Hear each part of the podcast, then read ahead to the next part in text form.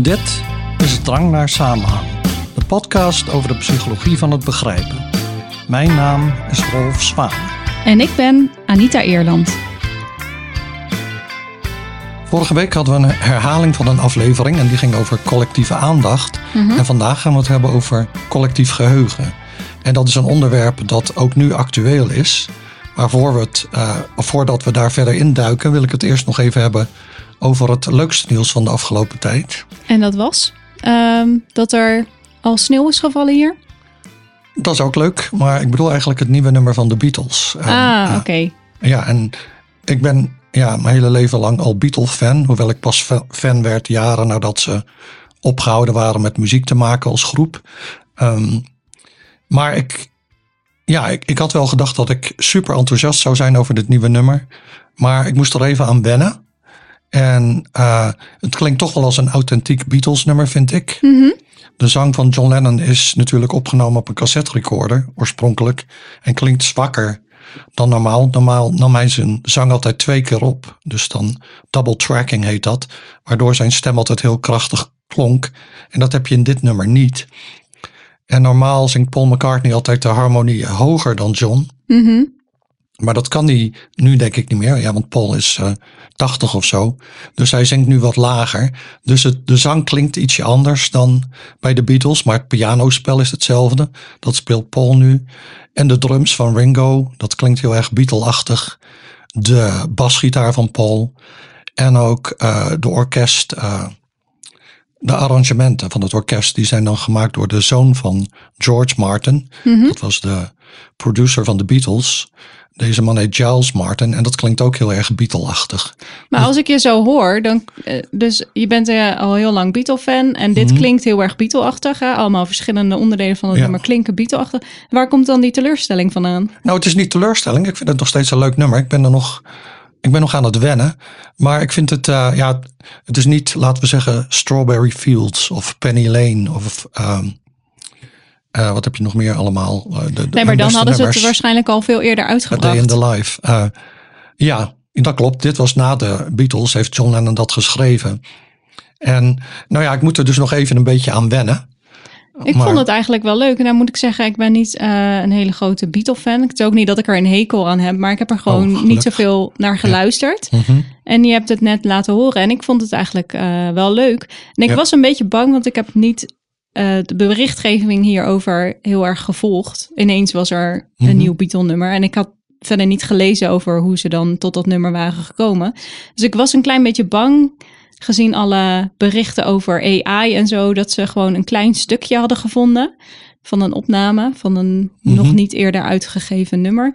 En dat ze gewoon tegen AI hadden gezegd: maak hier een eh, Beatles-song van of zo. Dat kan natuurlijk wel. Ja, dat kan. Dus ik was daar een beetje bang voor. Maar toen jij vertelde: nee, eh, er zijn, de verschillende onderdelen van dat nummer zijn wel echt eh, Ja. gespeeld door leden van de Beatles. Ja. Toen, toen nou ja, ging mijn waardering voor de. Ik vond het sowieso leuk klinken. Mhm. Maar ging mijn waardering voor dat nummer wel omhoog. Terwijl als je had gezegd, als ik het precies hetzelfde had geluisterd en je had gezegd het is gegenereerd door AI, had ik het toch minder leuk gevonden. Mhm. Dus dit heeft toch ook een beetje met nostalgie te maken, denk ik. Ik denk het. En eh, nou ja, AI heeft trouwens wel een rol gespeeld. Want Peter Jackson hè, van The Lord of the Rings die, en van de film Get Back over de Beatles. Die heeft AI gebruikt om dus die demo van John Lennon. Want hij had het opgenomen terwijl hij piano speelde en zong in zijn eigen appartement. Maar ze moesten de zang losweken van de piano. En alles was met één microfoon opgenomen. En eh, dat hebben ze met behulp van AI gedaan. En toen heeft Paul McCartney opnieuw dan de piano ingespeeld. En hij speelde bij de Beatles. In Beatles nummers ook heel vaak piano. Dus dat, dat klinkt heel erg Beatle-achtig ook. En eh, ehm, ja, dus hadden ze die stem van John geïsoleerd. En daar hebben ze dan verder het nummer omheen gebouwd. Ehm, ze hebben niet alles gebruikt van de demo van John. Maar wel eh, grote delen. En zo gaat het vaak in, met nummers volgens mij. Dat, eh, ja, die worden dan, iemand maakt een demo en dan gaan ze in de studio er nog van alles aan veranderen. Ja, maar ze hebben in ieder geval niet AI gebruikt om het nummer eh, Nee. te schrijven, zeg Nee, maar. nee, helemaal niet. Helemaal of om niet. instrumenten te laten spelen. Nee. Dus die, die opnames en zo, die zijn wel echt. Ja, ja. En dan zegt Paul McCartney, die had dan ook slide guitar gespeeld in de stijl van George Harrison. Maar dat vind ik zelf ietsje meer klinken als uh, David Gilmour van Pink Floyd. Maar verder is het wel echt een heel Beatle-achtig nummer. Maar ik heb niet helemaal de emotionele reactie erbij die ik dacht te zullen hebben. Dus of dat nu is dat ik. Uh, Ongevoelig ben geworden of zo. zoiets. afgevlakt ben als persoon of als Beatles-fan. Of uh, dat het aan het nummer ligt, dat weet ik nog niet. Maar ik vind het, na elke keer dat ik lu daarna luister, vind ik het weer beter. Dus, uh, oh, dus we gaan gewoon dadelijk, als we dit hebben opgenomen, gaan we nog een paar keer daarna luisteren. Komt het helemaal goed. Ja, en uh, nou, we hebben natuurlijk ook collectief geheugen over de Beatles. Maar hier gaan we het hebben over ander collectief geheugen. En we bespreken een artikel, uh, wat natuurlijk in de show notes staat. En daarin vragen de auteurs zich af, welke onderwerpen komen nu naar voren in het publieke debat in de nasleep van een terroristische aanslag? Ja, dat is even wat minder gezellig dan collectief geheugen over de Beatles. Ja, hoewel John Lennon natuurlijk vermoord is. Maar um, er zijn wel, uh, nou ja, de vraag die ze dan hebben is, nu ook actueel natuurlijk. Zijn er gemeenschappelijke patronen te ontdekken wanneer je dus verschillende terroristische aanslagen, de reactie daarop onderzoekt? Mm En hoe lang duurt het voordat de publieke aandacht terugkeert naar de alledaagse zorgen of interesse in ieder geval? Ja, en die vragen kun je op verschillende manieren proberen te beantwoorden. Als je wil weten waar gaat nu de aandacht naar uit uh, na een terroristische aanslag, dan kan je natuurlijk kijken naar bijvoorbeeld hoe de media hierover uh, berichten. Mhm. Dus hoe schrijven ze hierover, wat noemen ze, welke uh, onderwerpen worden besproken in de media. Maar als je dat doet, dan heb je eigenlijk een heel beperkt perspectief. Want je gaat uit van de informatie die mensen voorgeschoteld krijgen. Ja, maar dat ja. zegt niets over de informatie waar zij zelf behoefte aan hebben. Nee, dat klopt. En ja, iets anders dat je zou kunnen doen is kijken naar verkiezingsresultaten. En dat heb, heeft eerder onderzoek ook wel gedaan. Mhm. En dan vind je stevast een verschuiving naar rechts in het politieke spectrum. Na een En- aanslag. Na zo'n aanslag. En ja, hoewel terrorisme dus invloed heeft op stemgedrag, is het moeilijk om dat te isoleren. In tegenstelling tot de stem van John Lennon. Van eh, andere factoren hè, die een rol spelen bij, eh, in verkiezingen. En dan is het ook nog zo dat, eh, ja, dat er misschien op, op dat moment helemaal geen verkiezing is in een land. Dus eh, je hebt dan helemaal geen actuele data. Nee, dus je kan dat onderzoek alleen doen als er net een aanslag is geweest en er vlak daarna verkiezingen zijn. Dan kun, Ja. je, dan kun je die situatie bekijken. Maar ja. je Dus hebt dat, geen informatie over aanslagen die niet gekoppeld zijn in Nee. de tijd aan de verkiezing. Nee, dus in die zin eh, zijn dat soort analyses eh, beperkt tot Ja. specifieke landen en specifieke periodes. Ja, En dan een derde manier om eh, het collectieve geheugen van dat soort gebeurtenissen te onderzoeken, is eh, om te kijken naar de economische gevolgen van een terroristische aanslag. Maar net zoals met stemgedrag heb je daarbij vooral oog voor de lange termijn. Ja, en de auteurs van dit artikel die willen juist meer direct naar onmiddellijke psychologische gevolgen kijken. Dus niet naar de gevolgen op de lange termijn. Maar wat gebeurt er nu in echt de, da- de dagen rondom een terroristische aanslag? Dus niet eh, een half jaar later of zo, maar net daarvoor en net daarna. Eh, aan welke informatie hebben mensen dan behoefte na een aanslag? Ehm, ja, waar gaat hun aandacht naar uit? Ja, en dat hebben ze op een eh, interessante manier onderzocht. Mhm, Namelijk door te kijken naar zoekgedrag op Wikipedia. Ja, En ik vond het wel treffend, want een paar dagen voordat eh, ik dat artikel tegenkwam, Mhm. had ik zelf op Wikipedia zitten zoeken naar de geschiedenis van het eh, conflict in het Midden-Oosten. Hè, om daar wat meer achtergrond bij te krijgen. ja, Om de context beter te begrijpen. En dat is precies blijkbaar wat de auteurs onderzocht hebben in dit artikel. ja. Want ze hebben de kijkcijfers bestudeerd van alle artikelen. Alleen eh, op de Engelse Wikipedia rond de tijd van 15 terroristische aanslagen in Europa. Mhm. En ze keken dan naar pieken in het dagelijkse, de dagelijkse views of bezoeken, zeg maar, aan specifieke artikelen. Dan kun je nog niet zien of mensen die echt helemaal doorlezen natuurlijk. Maar je kunt wel kijken, van hebben mensen die aangeklikt? Mhm. En zie je dan een stijging in het aantal bezoekjes, zeg maar, aan Wikipedia-pagina's als gevolg van zo'n uh, terroristische aanslag. En op die manier kun je dan de onderwerpen identificeren waar de collectieve belangstelling zich op richt als gevolg van die gebeurtenissen. Ja, precies. Ik vond het wel een slimme manier om daar onderzoek naar te doen. En het gaat niet alleen om het gevolg van die gebeurtenissen, want ze kijken niet alleen naar hoe vaak wordt er geklikt op artikelen na een aanslag, maar ze kijken ook uh, naar een aantal dagen voorafgaand aan een terroristische aanslag. Ja.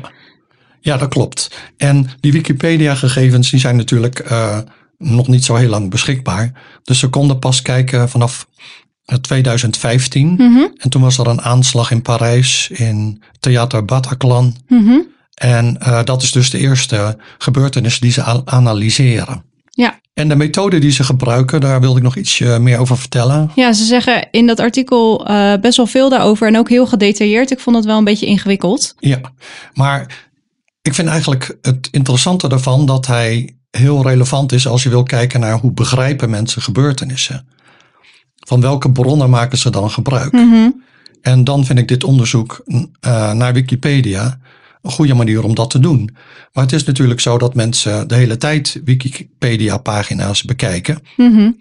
Dus in dit artikel hebben ze een manier ontwikkeld om te kijken van wordt er nu ineens meer gekeken naar bepaalde pagina's dan in het verleden.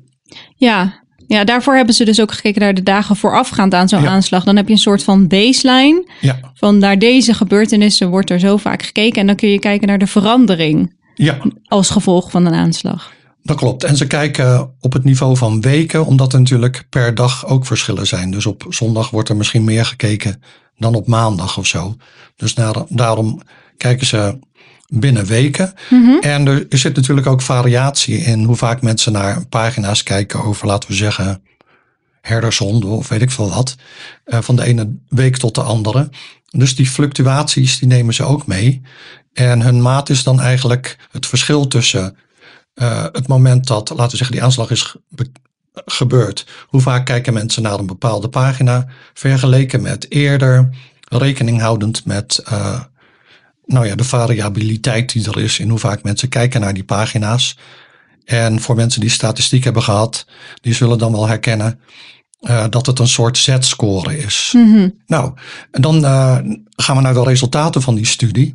En ze beschrijven eerst in detail die, die studie naar de aanslag in Parijs. Mm -hmm. En daarna ja. kijken ze naar die 15 aanslagen en trekken ze algemene conclusies. Ja, dus dat gaan wij nu ook doen. Ja, dus wat vinden ze nu met die uh, aanslag in Parijs? Mm -hmm. Nou, ze hebben 17 Wikipedia-artikelen bekeken in een periode van 12 dagen. Steeds dus zeg maar met een window van een week dat dan doorschuift. Hè? Dus 1 tot 7, 2 tot 8 enzovoort. Begrijp, dat begrijp, zo begrijp ik het. En dan vinden ze dus dat, uh, nou, vijf van die artikelen zijn direct gerelateerd aan de aanslag, maar de overige twaalf niet. Die gaan over entertainment bijvoorbeeld. Op 12 november, dus dat is een dag voor de aanslag, was er de meeste aandacht voor drie uh, entertainment gerelateerde artikelen. Ja, want op die dag, op 12 november, was er een Bollywood-film uitgekomen. Twee weken eerder kwam Spectre, de nieuwe James Bond-film, uit. En daar waren mensen uh, op 12 november nog steeds druk naar uh, aan het zoeken. Hmm. En op 10 november was er een nieuw en populair computerspel gelanceerd. Dus daar uh, ging ook heel veel aandacht naar uit. Ja, en dan op 13 november, dus de dag van de aanslag, verschoof de aandacht op Wikipedia naar artikelen over de aanslag zelf. -hmm. En artikelen over de islamitische staat van Irak en de Levant, ISIL, en dat was de belangrijkste dader. En ook naar de Eagles of Death Metal. Dat was de rockband die optrad in het Bataclan, op Bataclan Theater. Mm -hmm. Ik heb eerlijk gezegd nog nooit gehoord van die band, maar... Jij hebt het dus niet opgezocht. nee, nee, nee. Wij zaten wel. toen ook in Australië, weet ik nog. Oh, dat zou kunnen. Ja, ik kan dat me dat herinneren dat wij daar waren en dat we toen hoorden over die aanslag. Maar ik heb niet meteen Wikipedia's pagina's opgezocht. Maar goed, de aandacht voor dus die artikelen die piekt op 14 november. Zoals ja. uh, onderzocht via die Z-score waar ik het eerder over had. Ja, dat is ook logisch. Ja. Want die aanslag was ook s'avonds volgens mij. Hè? Mm -hmm. Dus dan heb je misschien dat mensen pas de volgende ochtend. Ja, en daarom wellicht uh, was de aandacht niet uh, minder geworden voor die entertainment artikelen waar jij het over had. Mm -hmm.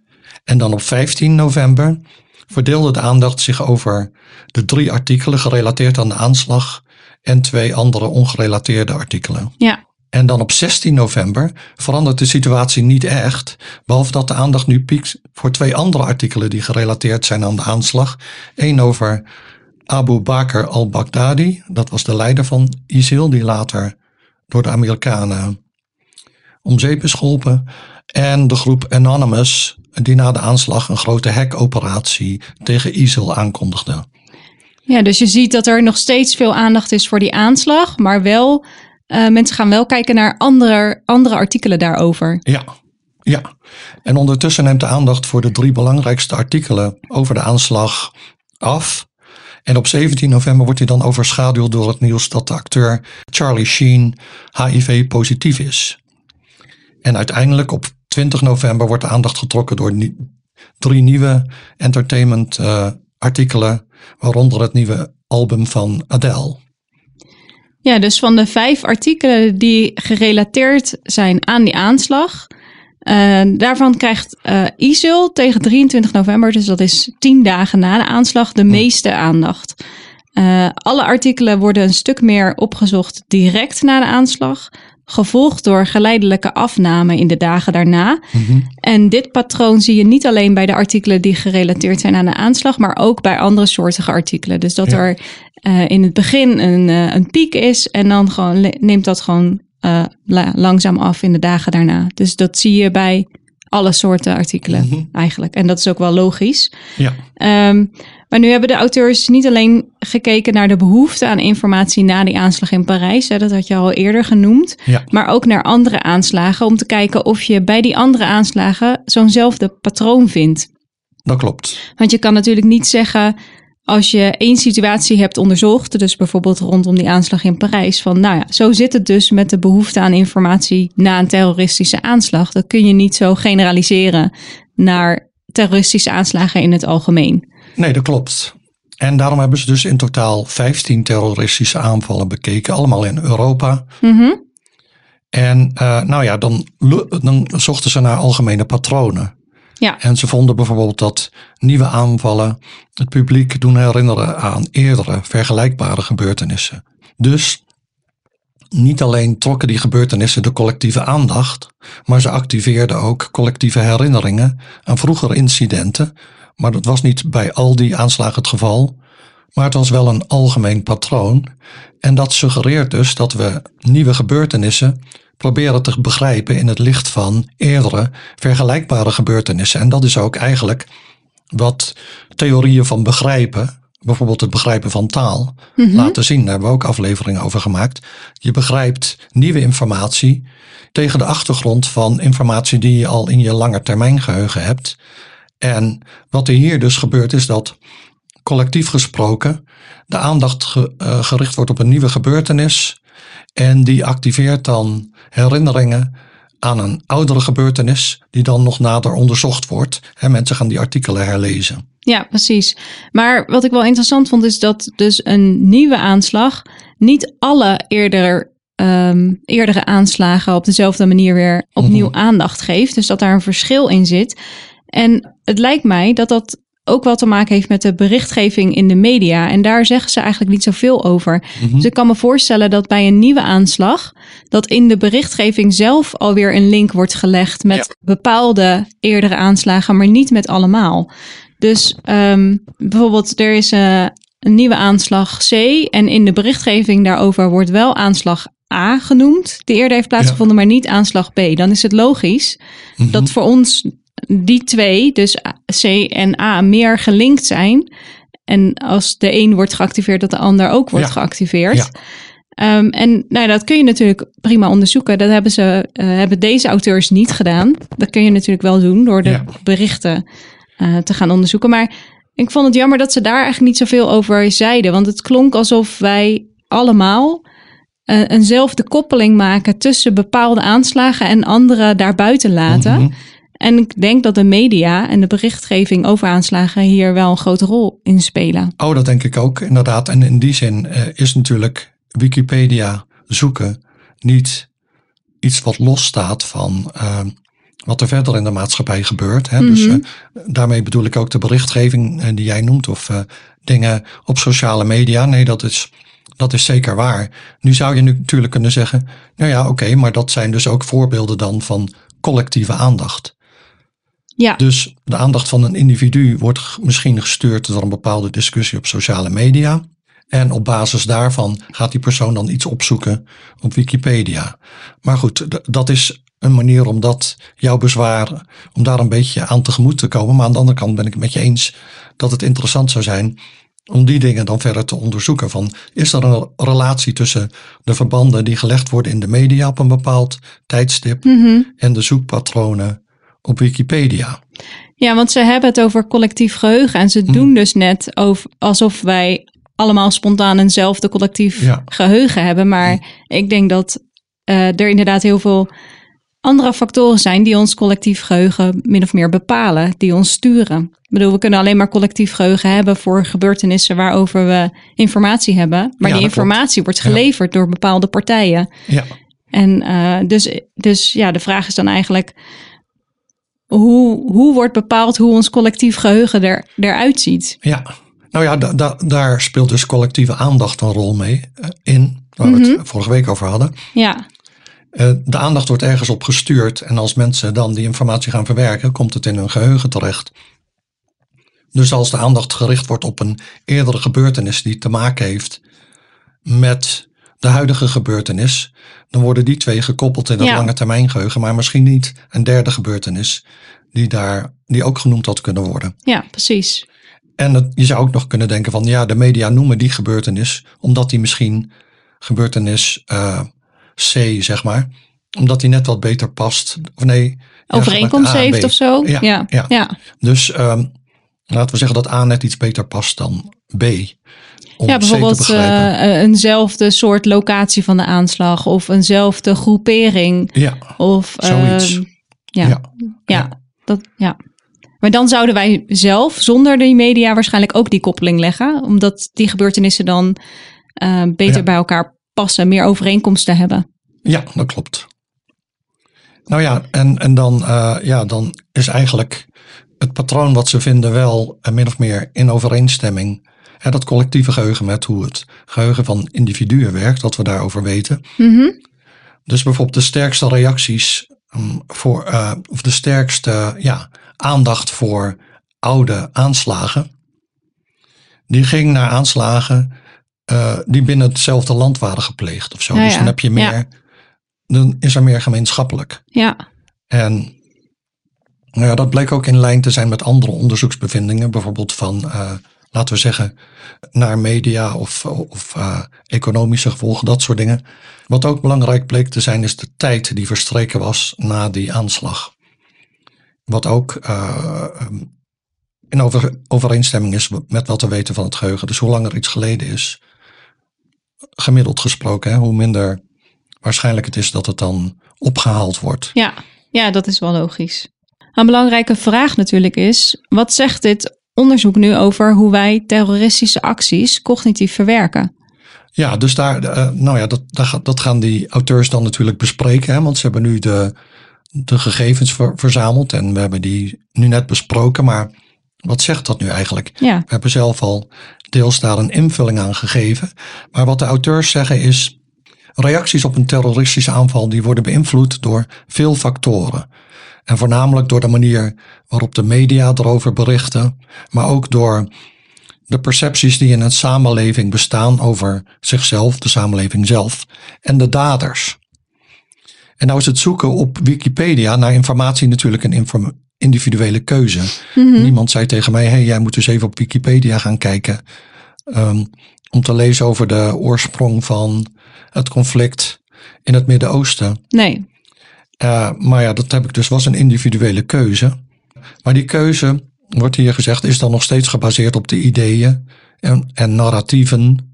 Wat ik een vreselijk woord vind, maar goed, de verhalen van een bepaalde groep. Ja, oh, Hoezo? verschrikkelijk. Ik weet niet. Ik vind het een, uh, een naar woord. Wat wil je dan? Verhalen? Oké, Ja, Ja. verhalen. ik vind het een anglicisme. Um, van een bepaalde groep. Dan is dus de vraag van uh, welke van die verhalen of welke verhalen liggen ten grondslag aan de zoekkeuzes op Wikipedia na een terroristische aanslag. En in hun data hebben de auteurs uh, vier patronen of vier algemeenheden geïdentificeerd met betrekking tot uh, de effecten van aanslagen op de collectieve aandacht en het collectieve geheugen. Ja, dus als je kijkt naar, naar wat voor soort informatie gaan mensen dan op zoek. Dus nog los van alle individuele pagina's, maar welke grote thema's kunnen we daar uithalen? Dan vind je dat mensen uh, onder andere gaan zoeken naar ideeën over veiligheid. Dus informatie over nationale veiligheid wordt opgezocht, informatie over wapens en transport, over uh, verzekering en uh, overlevingsuitrusting, wat je in huis moet hebben als er ineens een aanslag plaatsvindt of zo. Um, en um, dat wordt gekoppeld aan het idee van veiligheid na een terroristische aanval. Dus mensen zoeken naar beschutting als reactie op de dreiging van de vijand. Dus ideeën over veiligheid, dat is één van die vier thema's. Ja. De ander is uh, de vecht- of vluchtreactie. Uh, ja, dus fight of flight, daar hebben we het wel eens vaker over gehad. In een dreigende situatie ga je of vechten of vluchten. Um, en um, je ziet dat ook weer terug in waar mensen um, informatie over gaan opzoeken. Dus het vechten vind je terug als mensen interesse tonen in pagina's over strijdkrachten, militaire uitrusting, uh, politie, de dienstplicht en het gebruik of het aanschaf van wapens. Maar ook het vluchten zie je terug in de informatie die mensen zoeken. Bijvoorbeeld uh, omdat mensen mm-hmm. kijken naar um, vervoermiddelen. Uh, ook hier weer verzekeringen, overlevingsuitrusting en beschutting. Dus zowel het vechten als het vluchten zie je terug ja. um, in de informatie die mensen gaan zoeken na een terroristische aanslag. Ja, dat is, dat, dat is uh, vind ik zeer interessant inderdaad. En, ja, hè? Ja, en het derde thema, uh, dat manifesteert zich in interesse in de ander. Hè? Dus degene in dit geval die de aanslag heeft gepleegd. Mm -hmm. Uh, er moet eerst geïdentificeerd worden wie nu eigenlijk de vijand is. Ja. En daarna willen mensen dan meer leren over de vijand. En dat vertaalt zich dan in sterkere interesse in de achtergrond van de vijand. En uh, die wordt dan een beetje gezien als het archetype van de ander. En het omvat uh, nieuwsgierigheid naar bijvoorbeeld uh, islamitische praktijken, geschiedenis, heilige teksten, religieuze figuren en toeristische attracties in het Midden-Oosten. Waar zou dat laatste ja. vandaan komen? Ja, ik denk dat mensen dan iets tegenkomen en ineens uh, op iets anders terechtkomen. En dan ik, denken, hé, hey, daar kan ik naartoe op vakantie of zo. Nou, ik had het zelf ook eerlijk gezegd, uh, dat ik um, dus uh, over het Midden-Oosten aan het lezen was. En toen dacht ik ineens um, aan de grote volksverhuizing, wat natuurlijk veel eerder was. Hmm. Dus toen uh, ben ik daarover gaan lezen en toen kwam ik ineens uit bij de donkere middeleeuwen in Engeland. Dus ineens een heel ander thema. Dus het is, denk ik, uh, ik denk dat dat vrij uh, vaak voorkomt dat ineens iets getriggerd wordt en dat mensen dat dan ook gaan opzoeken. Er staan natuurlijk in zo'n artikel ook links. Dus je ja, klikt dan bijvoorbeeld op Jeruzalem. Of nee, het Midden-Oosten, dan klik je op het woord Jeruzalem en dan krijg je dat, die entry. Ja. En dan kun je daar ook weer op allerlei dingen klikken. Maar goed, dus die interesse in de ander, dat was het derde thema. Mm -hmm. En het vierde thema is gericht op de cultuur zelf. Dus dat is dan zelfperceptie.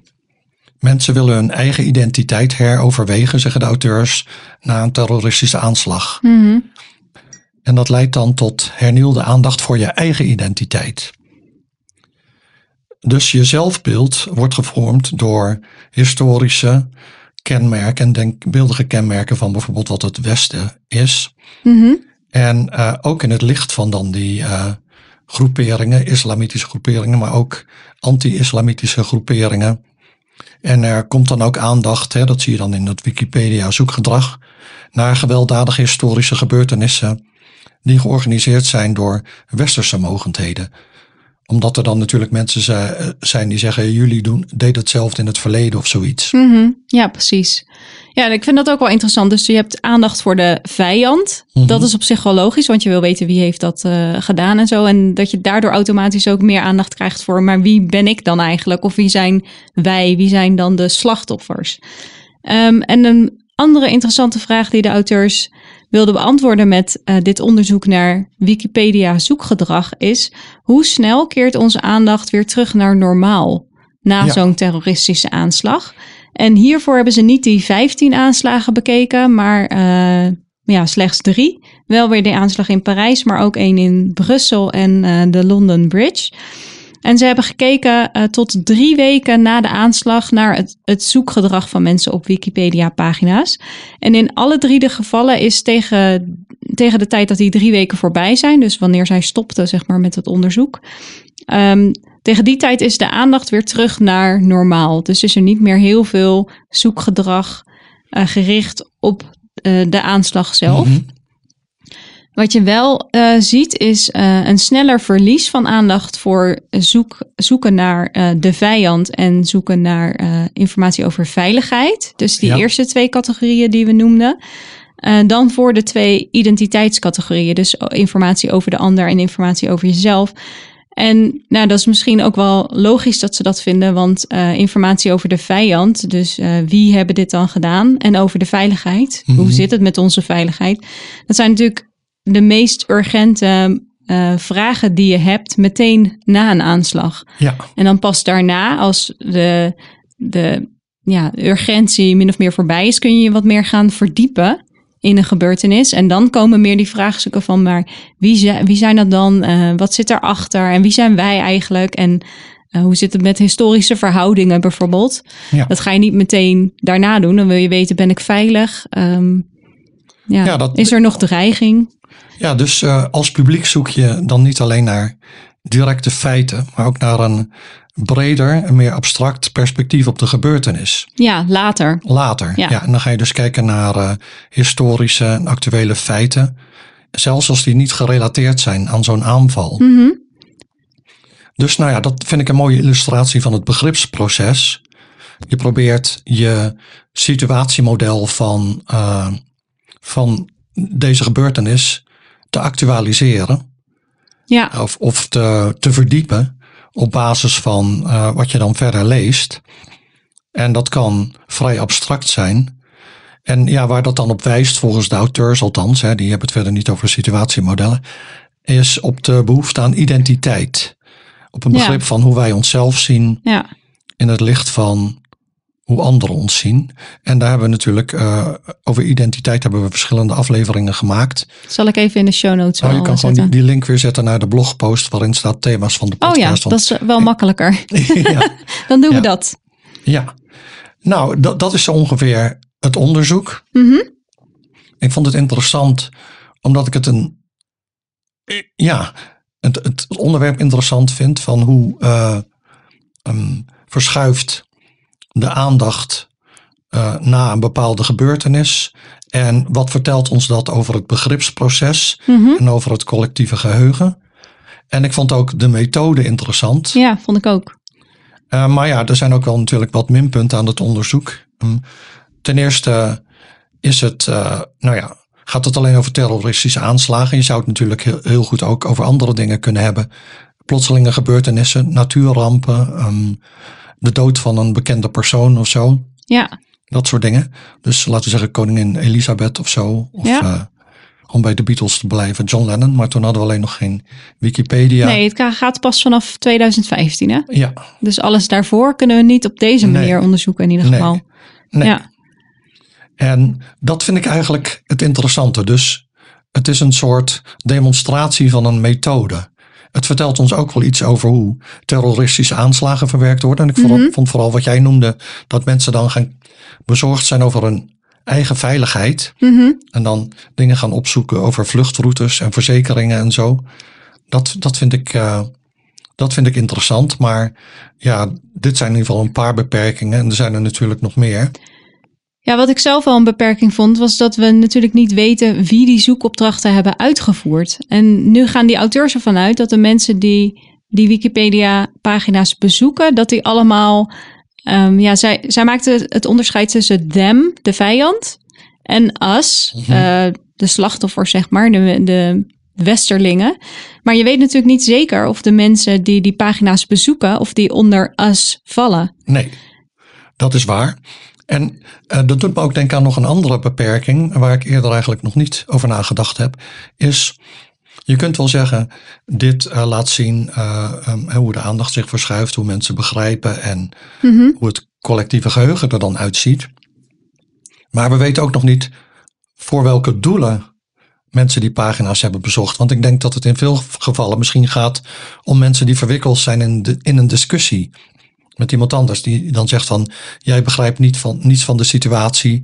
En dan gaat die persoon iets opzoeken en die zegt dan, jawel hoor, want in 1948 gebeurde dit. Ja. Je weet het zelf niet enzovoort.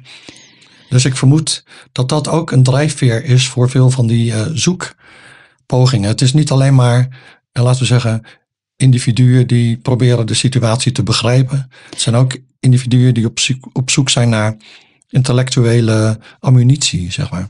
Ja, ik denk dat dat vooral geldt voor de zoekopdrachten later. Dus Ja. niet direct na een aanslag. Want ik denk dat dan mensen echt gewoon willen weten... waar vindt dit plaats? Eh, zijn de daders gepakt? Vooral als het eh, dichtbij is. Mhm. En dan wil je weten, is de situatie ook dreigend voor mij? Ja, Weet ik veel. Ik wilde vanavond nog met de metro ergens naartoe gaan... maar eh, kan dat wel of niet? Of zal ik Mhm. beter thuis ja blijven? precies.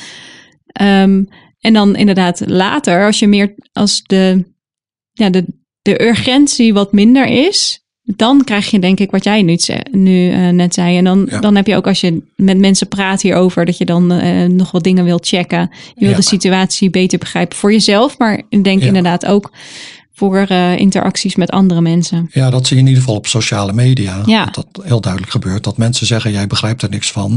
En dan zegt de ander, jij begrijpt er niks van. En dan eh, gaan mensen denk ik dingen opzoeken. En die zeggen dan, ehm, ja, maar jij zei dit, maar dat klopt helemaal niet. Want dit en dat. En dat hebben ze dan waarschijnlijk net even gelezen op Ik Wikipedia. heb het idee dat mensen op social media dat heel snel hebben. Ja, dus dat ze ik dan ook. zeggen, wat jij zegt klopt niet. En dan komen ze heel snel met een of andere bron. Of met Ja. een, eh, een, een titel die ehm, suggereert dat de ander ongelijk heeft. Maar dan Ja. als je het artikel zelf gaat lezen, is het altijd veel genuanceerder. Maar dat doen veel Ja. mensen volgens mij niet. Nee.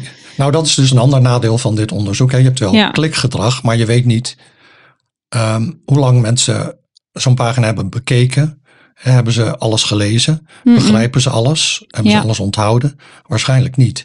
Dus waarschijnlijk zoeken ze naar bepaalde dingen die hun mening bevestigen. Ja. Of de mening van de ander ontkrachten. Dat, dat weet je allemaal niet met dit onderzoek.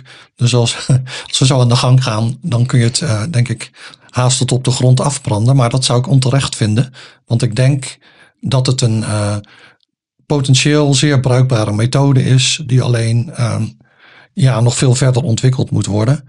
En die ook in een breder kader gebruikt moet worden. In, bijvoorbeeld in verband met eh, analyse, zoals jij zei, van wat er op bepaalde momenten in de media gebeurt. Ja, ja ik Ja, vond het eh, heel interessant om, eh, om hierover te lezen. Ja, en ik vind het heel kranig dat je het hebt volgehouden, want je bent eigenlijk ziek. Ja, we moesten wel af en toe even stoppen voor een hoestbui. Ja, maar daarna ging je toch weer op volle kracht verder, dus eh petje af.